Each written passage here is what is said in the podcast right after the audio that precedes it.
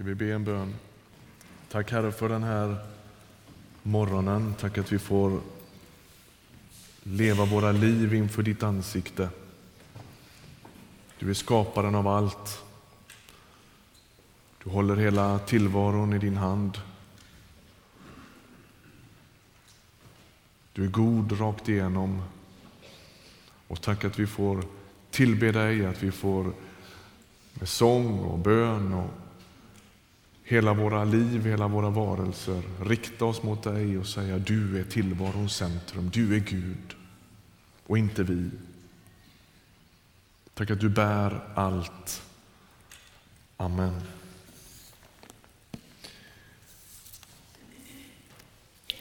Vi är i vår serie om omvändelse och eh, har försökt under den här hösten att arbeta med det begreppet på alla möjliga olika sätt. Vi började redan i slutet på augusti och funderade lite över ganska grundläggande byggstenar som har med omvändelse att göra.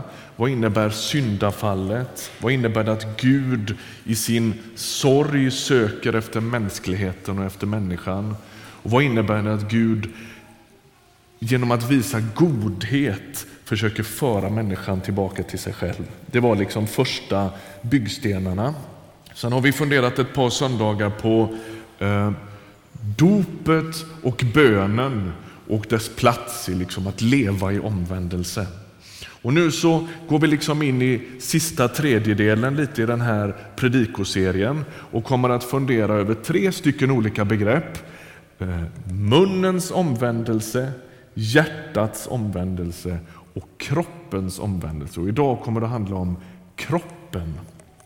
Jag tyckte det var bra att de dansade här framme. Det slog an någonting som vi kommer tillbaka till om en stund. Och det var bra att det var de som gjorde det och inte jag. Ehm, det är risk att jag hade kommit till någon sorts självsvängning som vi inte hade fått stopp på sen. Ehm, kroppen ska vi fundera lite över, vilket har varit ett problem kan man säga i den kristna kyrkans hela historia. Hur ska vi förhålla oss till kroppen? Eh, och det har ständigt, ständigt varit som att vi har liksom haft ett ganska liksom, nervöst förhållande till kroppen. Och Innan vi liksom går in på själva texten för idag så låt oss gå tillbaka lite grann i historien. Den kristna kyrkan är under de första århundradena med om ganska många olika saker. Det är ett stort yttre tryck med förföljelse och så vidare, men det är också ett väldigt stort inre tryck där man funderar över hur ser kristen tro ut egentligen? Och så uppstår en, eh, en strid i den första kristna kyrkan som höll på att ta en ände med förskräckelse, kan man på ett sätt säga. Eh, och det som händer är att det uppstår en sorts filosofiskt tänkande som man brukar lite med ett samlingsnamn kalla för gnosticismen. Gnosticismen skulle vi kunna säga väldigt mycket om, men låt oss lite kort bara beskriva det så här. Gnosticismen handlar om att man upphöjer det som är andligt på bekostnad av det som är skapat. Man skiljer tydligt på en andlig verklighet och en fysisk verklighet i gnosticismen. Eh, man föraktar materien, man föraktar skapelsen som någon sorts lägre tillvaro. Man föraktar därmed också sin kropp. Och så blir det en väldigt tydlig uppdelning i det andliga och det fysiska. Där det andliga alltid var det som var viktigt, det som var rent och ädelt, medan det som hade med kroppen och dess behov att göra liksom stod på en lägre nivå på något sätt. Det föraktades. Man kan tycka att det där inte spelar någon roll. Är det inte så att det där bara blir någon sorts teoretiska resonemang? Nej, det fick väldigt drastiska konsekvenser för hur man valde att leva sitt liv. Om det är så att jag är kristen och och liksom på något sätt försöker att, eller inte försöker, men om jag anammar ett, sådant sätt, ett sådant sätt att tänka så får det förödande konsekvenser för mitt liv. Gnostikerna de kunde ta två helt olika riktningar utifrån den här idén om att kroppen spelar ingen roll. Det ena var att man föraktade allt som hade med det kroppsliga att göra på ett sätt så att man hela tiden eh, stängde av allt det som har med kroppens behov att göra. Och man föraktade allt det som, som liksom har med kroppen att göra. Det blev extra tydligt om man talar om sexualitet. Det, det, det blev någonting fult. Det blev någonting som man, som man skulle liksom gömma undan och som man helst, den, den riktigt andliga människan, eh, trängde undan det ur hela sitt liv. Det var det ena spåret. Det tog sig uttryck också i sättet att se på mat och alla möjliga av kroppens behov. Det andra spåret som gnostikerna lika gärna skulle kunna ta, det är att säga eftersom jag är en andlig människa och att Gud egentligen inte bryr sig om min kropp så kan jag göra vad som helst med den. Då kan jag både äta ihjäl mig eller, eller hålla på med allsköns olika aktiviteter. Om vi tar sexualiteten som exempel igen, så spelar det ingen roll hur jag lever, för Gud bryr sig ju ändå inte om min kropp. Är ni med på att det finns liksom två diametralt olika utvägar att betrakta tillvaron på det sättet? Eftersom Gud liksom befinner sig på någon sorts andlig nivå så spelar det ingen roll vad jag gör med min kropp. Och antingen så blir jag överdrivet asketisk och liksom försöker kväva allt det som har med kroppen att göra. Eller också så blir jag helt gränslös och båda har sin rot i samma sak. Det här var kyrkans stora liksom, fight. Eh, men grejen är att gnosticismen verkade bli ganska seglivad. Den där idén om att liksom upphöja det kristna livet bara till en sorts andlig verklighet, det har återkommit hela tiden i den kristna kyrkans historia. Och det måste vi ha med oss i bakgrunden när vi funderar lite på kroppens omvändelse. I Bibeln så kallas djävulen för diabolos, han som kastar isär. Han kastar isär och söndertrasar allting. Relationer, eh, självbild, tillit, frid. Han är, han är den som hela tiden söndrar. Och Faktum är att han slår också isär tillvaron i en annan mening. Det är som att han ständigt önskar slå in en kil i våra liv där vi liksom gör åtskillnad mellan det som är andligt och gudomligt och det som är fysiskt eller vardagligt eller liksom vårt vanliga liv. Det skulle kunna vara det som är himmelskt och det som är jordiskt, det som är andligt och det som är kroppsligt, det som är gudomligt och det som är mänskligt. Och det är inte ett bibliskt sätt att betrakta tillvaron på, utan det är, det är, ett olyckligt, det är olyckligt att det är på det sättet. Kristendomens djupaste svar på det, det är att Gud har blivit människa. Alltså det, det, är vad bibeltexterna hela tiden i Nya testamentet tar sin, hämtar sin näring ur. Gud föraktar inte alls materien. Gud står inte alls vitt skild från skapelsen på armlängds avstånd och lite behörigt. Så här, va? Utan Gud, han, hela frälsningshistorien vittnar om att Gud faktiskt går in i skapelsen använder skapelsen, har, har skapat allt, är den gode skaparen som har skapat den goda skapelsen. Och Gud blir människa i Kristus. Alltså när Jesus kommer så står det i Johannes evangeliet att ordet blir kött. Ordet blir kött. Jesus föds i ett stall och ett lite teologiskt eh, begrepp för det är att vi brukar prata om inkarnationen. Inkarnationen, inkarne. Chili con, vad heter det? Karne, precis. Chili med kött. Eller hur? Inkarnation. Gud blir kött. Gud gick att ta på. Är ni med? Han föds och blir en människa och för Paulus med flera nytestamentliga författare och hela kyrkans historia igenom så återvänder man till det där och säger gnostikerna har fel. Livet sitter ihop. Det här har vi pratat om här i kyrkan innan, men du kommer att höra det igen för att det här är en jätteutmaning när vi pratar omvändelse och efterföljelse, att liksom få ihop det här. Med den bakgrunden ska vi läsa text ifrån första Korintierbrevets sjätte kapitel.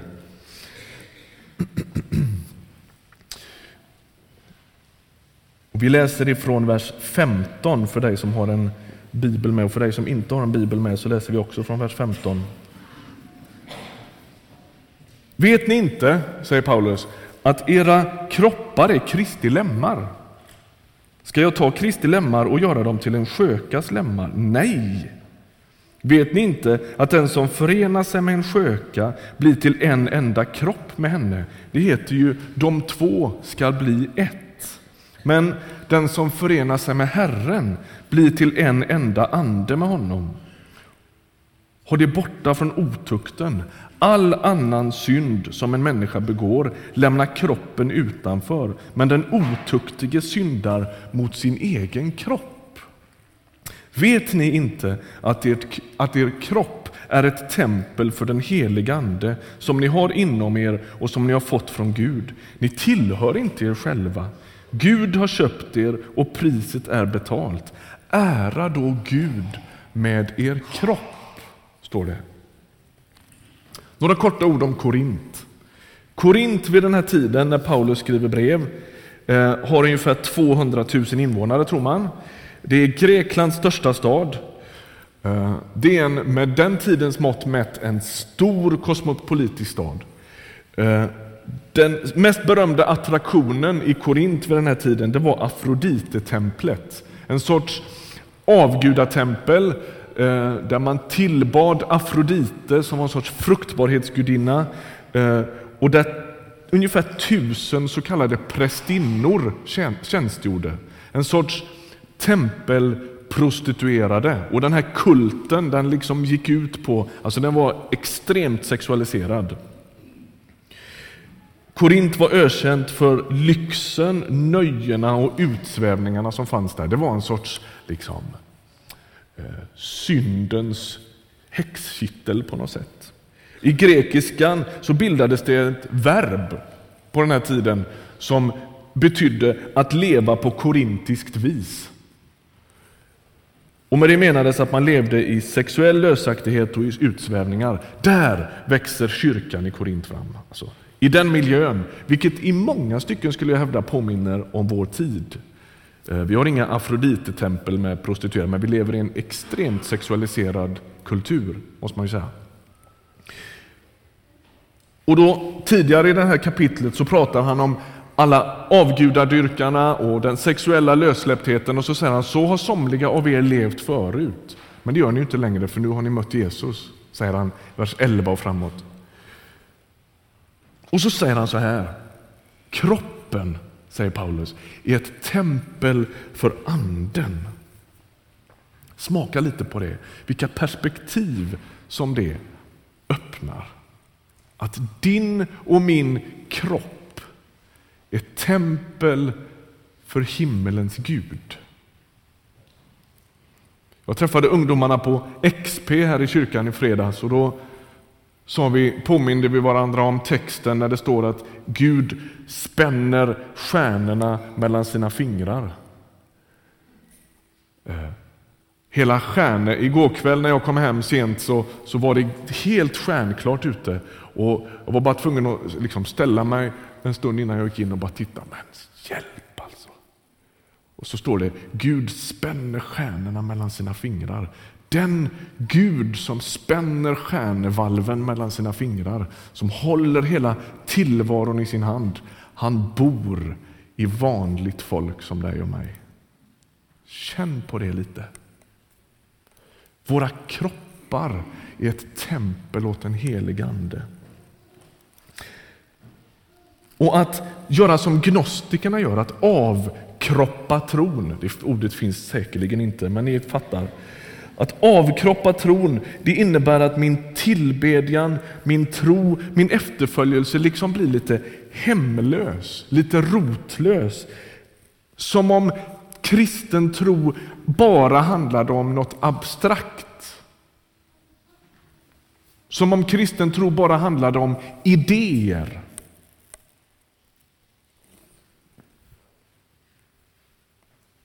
Men att däremot leva som om min kropp var ett tempel åt Gud, det innebär att allt i livet bjuder tillfällen till tillbedjan. Är du med? Om, om, om, om jag är... Om, om hela mitt liv på något sätt är berört av Gud och Bibeln beskriver det som att jag till och med är ett tempel åt Guds ande.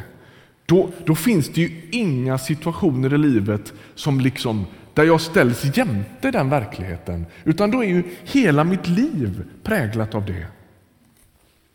Eller hur? Då innebär det ju också att det där templet, kroppen, det är faktiskt där som jag kan möta Gud. Alltså för Paulus som en jude som beskriver kroppen som ett tempel, så är det ju platsen för Guds möte.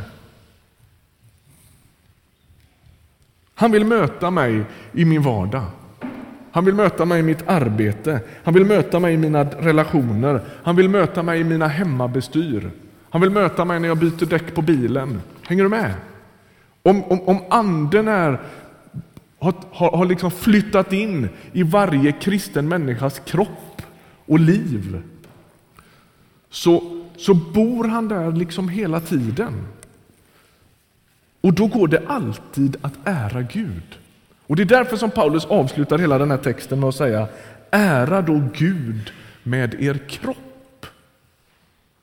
Det är ju världens bredsida till de här gnostikerna. Gnosticismen är inte liksom i fullt blom under Paulus tid. Det händer egentligen efteråt, men det finns väldigt tydliga sådana här liksom, signaler under urkyrkans tid. Och, och Det är som att han markerar stenhårt mot det. Du kan ära Gud med din kropp. Den ska inte lämnas utanför. Och då är frågan, hur gör man det? Hur ärar man Gud med kroppen? Låt mig bara få ge några exempel. Det första det är ganska självklart utifrån den här texten. Den här texten tar sitt avstamp i frågan om sexualitet. Och då sa vi innan att gnostikerna de, de, de sår ett väldigt liksom komplext förhållande till sexualiteten i kyrkan. Den är liksom något nödvändigt ont på något sätt. Det finns till och med någon av, någon av eh, eh, namnkunniga förkunnarna i urkyrkan som talar om, om, om sexualiteten som, som något som, ja, alltså visst för att avla barn, men, men helst inte. Vi har goda vänner som hade ett vykort hemma på väggen. Så här. Där, där, där var det två, två tanter ritade, två liksom symötestanter. Och så säger den ene till den andra, har du hört att pastorn och hans fru har fått barn. Nej, vad roligt, säger den andra. Ja, de har adopterat ett barn från Kina. Ja, vad roligt och så anständigt sen.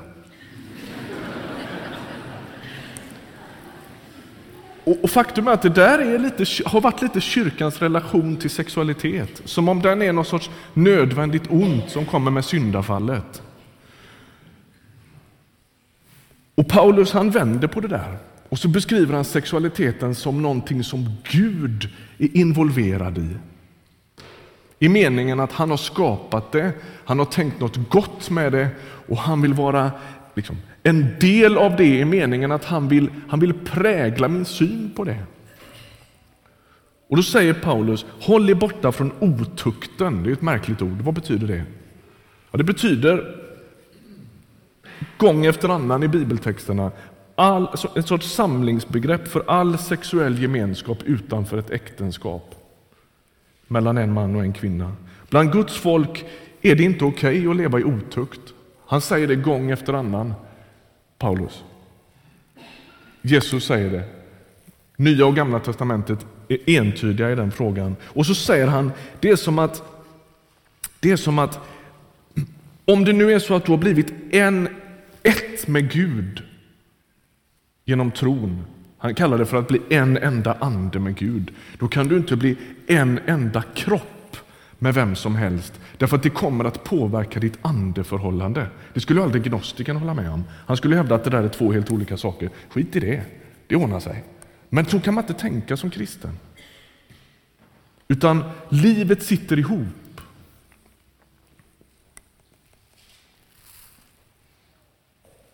Om det inte gör det, om man, om man någonstans liksom gör kristen tro till en sorts abstraktion där man säger det är, det är okej, jag, jag, liksom, jag, jag skriver under på de kristna teserna. Men ingen ska komma här och berätta för mig hur jag ska leva mitt liv. Då, då, då är livet faktiskt delat. Precis så där olyckligt som det inte skulle bli. Då blir det andligt och fysiskt och de möts aldrig. Man har någon sorts kristen bekännelse som inte tar sig uttryck i sin kropp.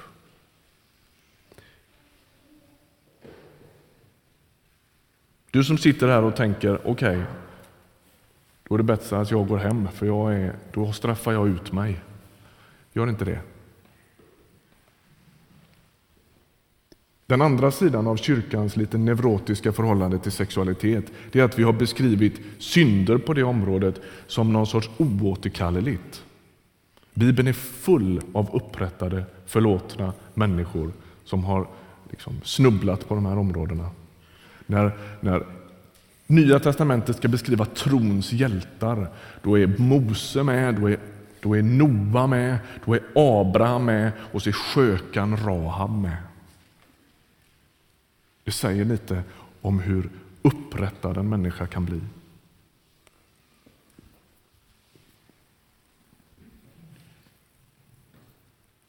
Ett annat område där du kan ära Gud med din kropp, det är att vara här. Det är att gå på gudstjänst. Varför är det viktigt? Varför trycker vi så ofta på det? Vi som är predikanter och pastorer. Ja, det är inte för statistikens skull eller för att vi ska känna att åh, vad kul att det var mycket folk idag. Det är inte så. Utan det handlar om kroppen. Vi har någonstans återigen avkroppat tron. Och för många av oss är kristen tro och efterföljelse väldigt abstrakta begrepp. Vi säger det är tanken som räknas. Och så säger vi man blir inte kristen av att gå på gudstjänst. Så citerar vi gärna en gammal skiva från 70-talet med Keith Green när han säger man blir inte mer kristen av att gå på gudstjänst än man blir en hamburgare av att gå in på McDonalds. Har ni hört det uttrycket någon gång? Nej. Vad synd att jag lärde er det då. Vi förstår vad man menar med det. Men vi har sagt det så mycket så att det faktiskt är lite tveksamt. Jag tror att det är en väldigt lurig väg därför att den frestar oss att odla individualism, privatism och kristen tro blir väldigt abstrakt. Jag tycker att du ska gå på gudstjänst för att visa med din kropp att du vill ära Gud, att du är här. Är du med? Eh, alltså vi, vi är så pragmatiska, eller vi, är så, vi, vi liksom tänker så praktiskt. Ja, men jag hinner inte gå på bönemöte, men jag kan be i bilen hem. Ja, men det är jättebra, gör det. Vi pratade om det här om sistens, jag, jag och Elinor, så sa vi, tänk, undra om alla som säger att de ber i bilen, ber i bilen. Då är det ju bön jämt. Eller hur? Kom hit, gör det med din kropp. Inställ dig på, på, på bönemöte, gå på gudstjänst, ära Gud med din kropp. När vi säger att vi reser oss upp för att sjunga lovsång så är det inte för att liksom få lite lyft i mötet, det är för att ära Gud med sin kropp. Är du med? Så i, i, gång efter annan i saltatexterna så talas det om att böja sina knän, eller att lyfta sina händer, eller att dansa och så vidare. och så vidare. Man ärar Gud med hela sin varelse. Thomas Sjödin han skrev en krönika i tidningen Dagen för en massa år sedan. Han hade varit på, på, på gudstjänst i, i, i en Svenska kyrkan-miljö. Och överskriften var Väckelsen kommer framifrån. var överskriften. Eh, han berättade hur alla gudstjänstdeltagarna som var vana satt så långt bak som det var möjligt i gudstjänstlokalen. Och så var det ett antal bänkar luft och längst fram satt en familj som skulle dö, låta döpa sitt barn. Och Det var alldeles uppenbart att de var ovana att vara där. Eh, så att eh, de hade fullt sjå, de kunde liksom inte snegla på någon därför att alla som var vana satt ju bakom. Liksom. Eh, de hade fullt sjå att hänga med på hur man skulle göra och vart man skulle sitta och stå och lite sådär. Då, va? Och så skriver han, alltså de hade inte koll på att att när vi sjunger, vi lyfter våra händer eller vi böjer våra knän eller vi, eh, vi är så glada, eh, Gud har fyllt oss med glädje, så ska det tolkas symboliskt. Det tar ju åratal att lära sig sådana saker, skriver Thomas Sjödin Alltså, vi har blivit så abstrakta. Kristen tro är så teoretisk. Låt, låt det få ta uttryck i din kropp. Be med din kropp. Tillbe med din kropp.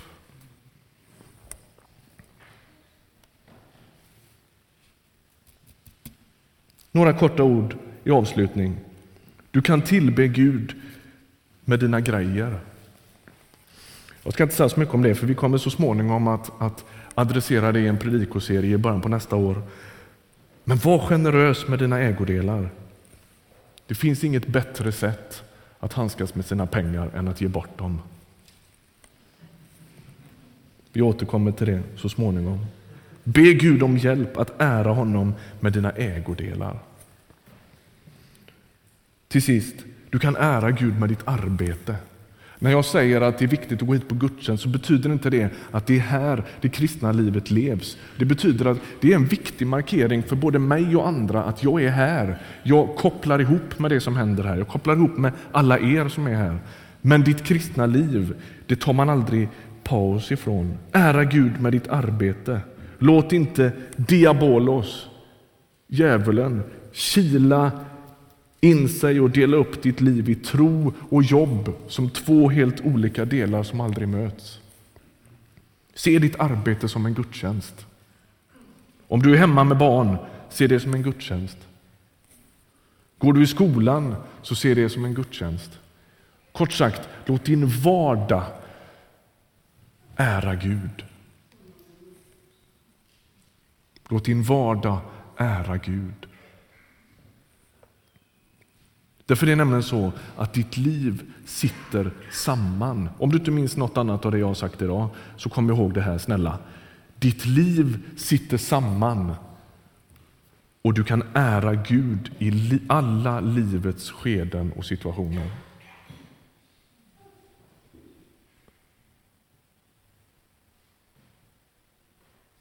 Ska vi be en bön?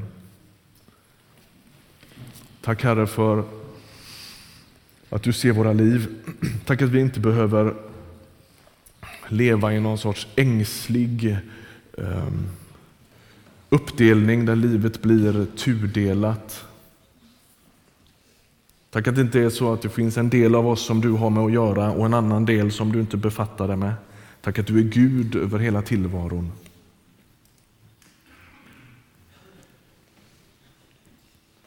Tack att du är en Tack att du är en. Och tack att du i din nåd vill hjälpa oss att vara ett i meningen att våra liv sitter samman.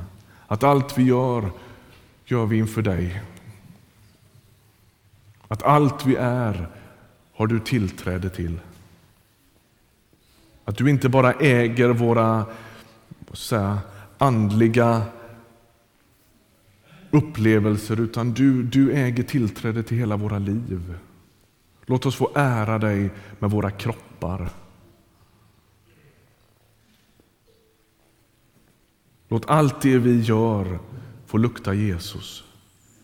Jag ber för våra familjeliv.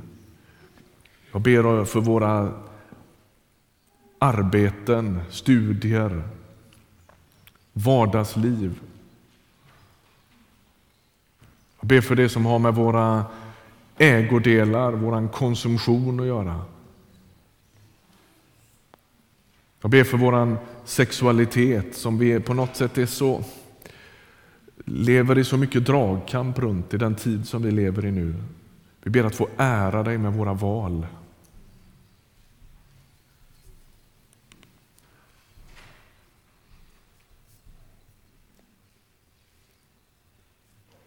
Herre, hjälp oss att eh, hålla ihop våra liv.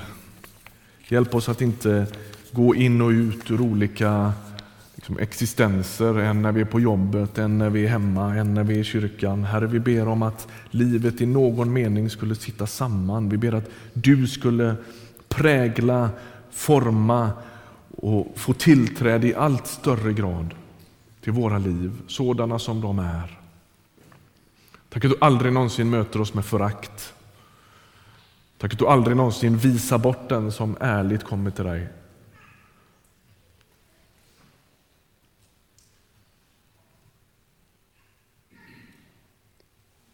Hjälp oss att leva helt. Amen. Amen.